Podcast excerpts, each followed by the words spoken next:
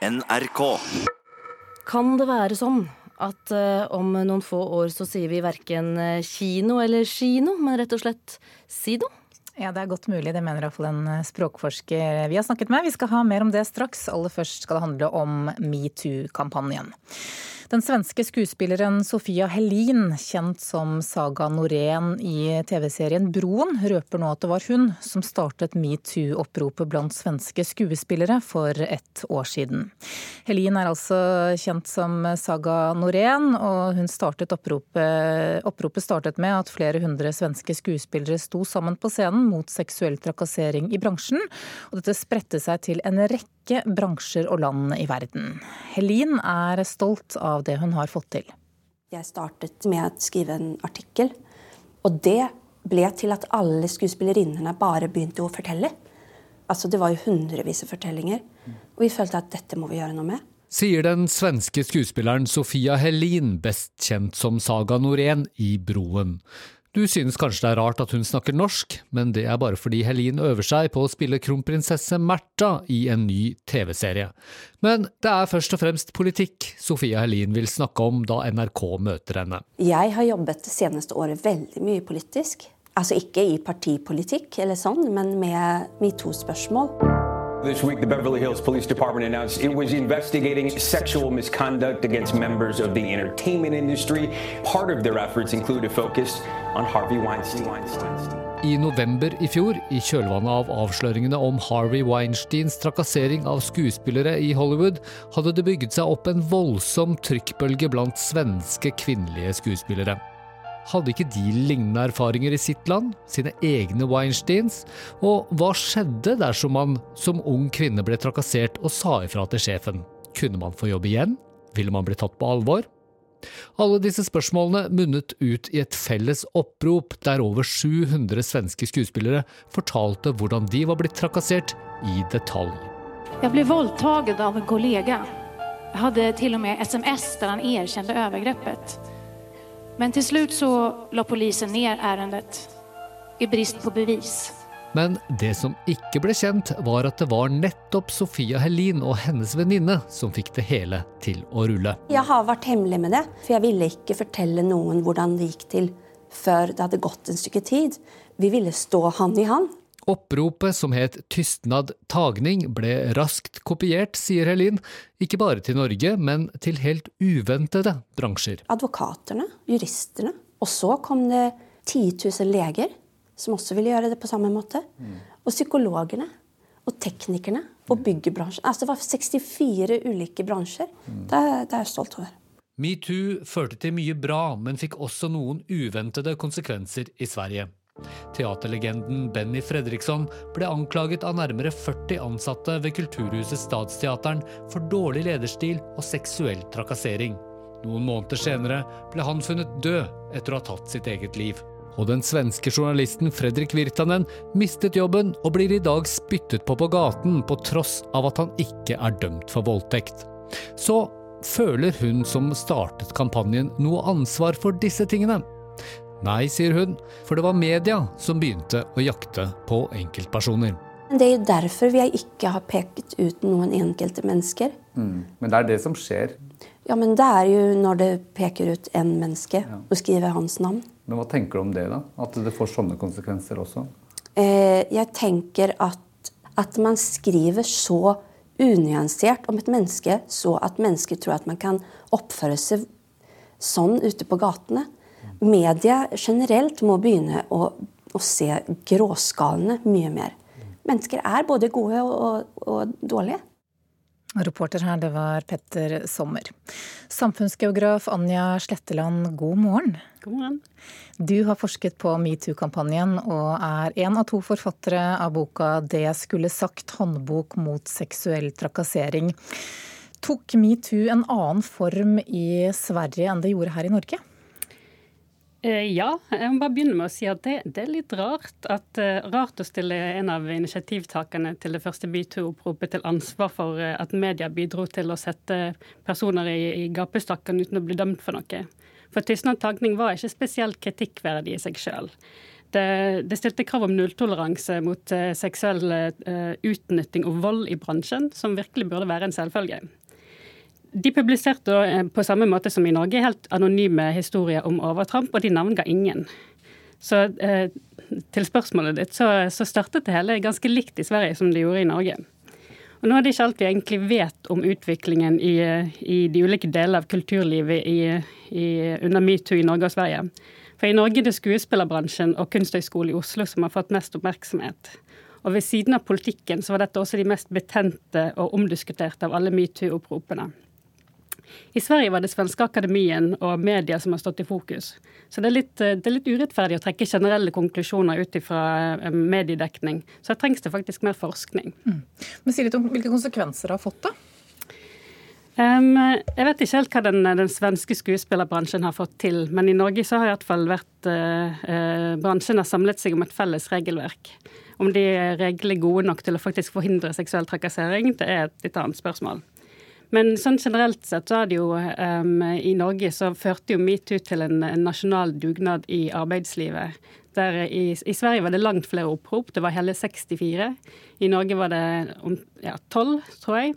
Men eh, norske medier har også vært veldig aktive og gått inn og undersøkt forhold bransje for bransje. Så det er 27 eh, bransjer og syv andre felt utenfor eh, arbeidslivet som har blitt gransket eh, under metoo-loopen. Ja, så istedenfor å gå etter enkeltpersoner, sånn som det i noe grad har gjort i Sverige, mener du? Ja. Mm. Det har stort sett vært, eh, vært, fokus på strukturelle forhold og eh, risiko i ulike deler av arbeidslivet. Men de konsekvensene eh, vi har sett, da, har de vært, går det an å si om de har vært rettferdige på noen måte? Altså, igjen så kommer dette litt an på hvor du ser. det. For denne, denne, de svenske medienes jakt på overgripere det var virkelig ikke rettferdig for noen. Altså Verken de anklagede eller de som sannsynligvis ikke helt var forberedt på at en, en post på Facebook eller Instagram ville føre til et gigantisk mediekjør. Um, eller de som samlet inn anonyme opprop eller delte sine historier under metoo. For det, Vi bør heller ikke glemme hva metoo egentlig handlet om. Det var jo faktisk et oppgjør med urettferdig behandling i arbeidslivet. Og så er det altså sånn at det er over et år siden kampanjen eh, startet. Hvilken endring har den ført til for oss som er vanlige arbeidstakere? Den har ført til generelt sett en, en bevisstgjøring som har vært en perspektivforskyvning i ganske stor grad. For eh, tidlig så hadde jo altså Grunnen til at metoo startet i utgangspunktet, var at eh, folk som, eh, som, kom med sånne historier, de ble ikke helt hørt. Det ble sett på som for vanskelig. Eh, at man heller ville beskytte eh, ja, de, de, som ble anklaget. da. Men nå har man på en måte blitt mer bevisst på at dette har en kostnad både for den enkelte og for, eh, for arbeidslivet som sådan. Når har det ført til strukturelle endringer? det kommer litt an på hva du ser på som strukturelle endringer. De, de, helt store endringene har nok ikke skjedd. Men man har fått et, eh, en bevisstgjøring, og man har fått eh, mer detaljert regelverk i visse deler av arbeidslivet. Men dette er igjen veldig store forskjeller fra bransje til bransje. Det er noen som har tatt også et, et stort sånn, kulturoppgjør internt, mens andre som står igjen med, et, eh, med en betydelig motstand mot å gjøre noe med problemet. Fordi? Nei, de altså Det er jo igjen et, et, et spørsmål om definisjonsmakt. Um, der, um, der, sitter jo fortsatt mange igjen som, som, ikke har så veldig lyst til å ta i dette problemet. At, det er jo rett og slett et spørsmål om makt. Samfunnsgeograf og forfatter Anja Sletteland, takk for at du kom hit til Nyhetsmorgen. skal handle om eh, språk. Skillet mellom sj og ch-lyden er i ferd med å viskes ut, det mener språkforskere. Men utviklingen stopper ikke nødvendigvis der. Kjøtt, kjøleskap og kino. Kjøtt, kjøleskap, kino. Kjøtt, kjøleskap, kino.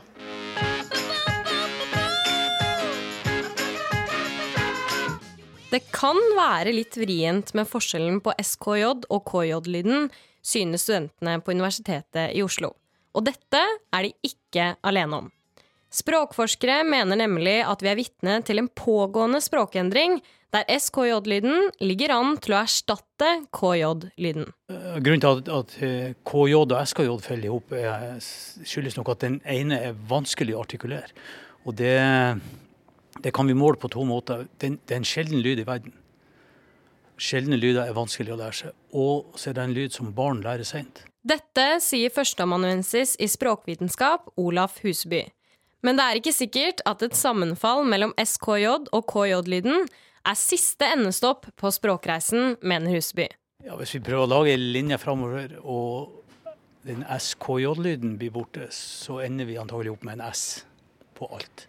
Ja, da blir det jo ikke noe skille og kjøpe, da blir det silde og søpe, f.eks. Men for deg som er litt bekymret over at folk skal gå rundt og si 'si noe' i nær fremtid, så kan språkforsker Hanne Gram Simonsen betrygge deg med at det er i så fall langt fram i tid. Ser ikke ut for meg til at det er i noen særlig nær fremtid. For denne utviklingen som vi har sett her, den har vart veldig lenge og har gått lenger og lenger opp i alder. Og det sammenfallet som han snakker om, det kan være litt dialektavhengig. Det tror jeg skal uh, mye til. Jeg tror jeg skal veldig langt frem. Men det at flere går rundt og sier skjøtt, kino og kjøleskap, er ikke verken Huseby eller Simonsen så veldig bekymret over. De synes tvert imot det er spennende. Jeg er jo interessert i språket, og det at jeg på en måte lever i et miljø der språket plutselig endrer seg radikalt. Det er jo som å, ja, Hvis du er astronom og, og ser en sjelden hendelse på, på himmelen eller i verdensrommet. Det er ikke så ofte vi får se sånt. Og hvis du selv ikke synes du er kjempeflink til å høre forskjellen på SKJ og KJ-lydene, så er det heller ingen fare, mener Hanne Gram Simonsen. Nei, altså det sammenfallet med sjø og kjø, det er ingen talefeil. Det er en lydendring. Og det er derfor det eh, ikke er noe poeng å gå til logoped for å rette på det. Så du vil ikke rette av barnebarna dine hvis de sier kjøleskap? Nei, det gjør jeg ikke.